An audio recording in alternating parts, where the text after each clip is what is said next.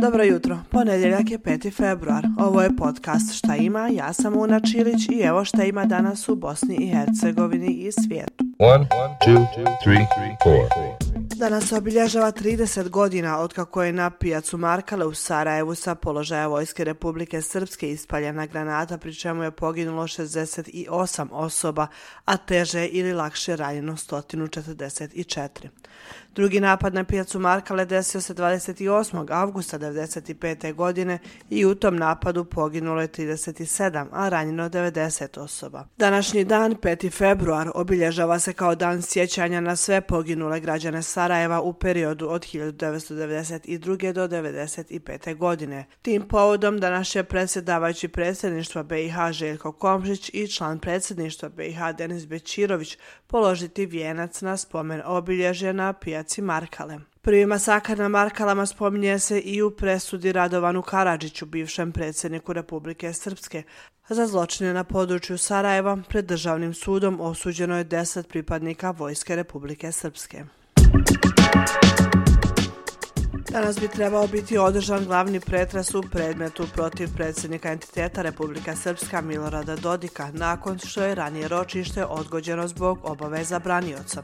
Do sada je pred sudom Bosne i Hercegovine tri puta odgađan glavni pretres na suđenju Miloradu Dodiku, predsjedniku RS-a i Milošu Lukiću, vršiocu dužnosti direktora službenog glasnika tog entiteta. U oba slučaja riječ je o optužnici zbog nepoštivanja odluka visokog predstavnika u BiH Kristijana Šmita. Šta će se dešavati sa današnjim pretresom pratite na sajtu slobodnaevropa.org. I za kraj jedna informacija iz regije.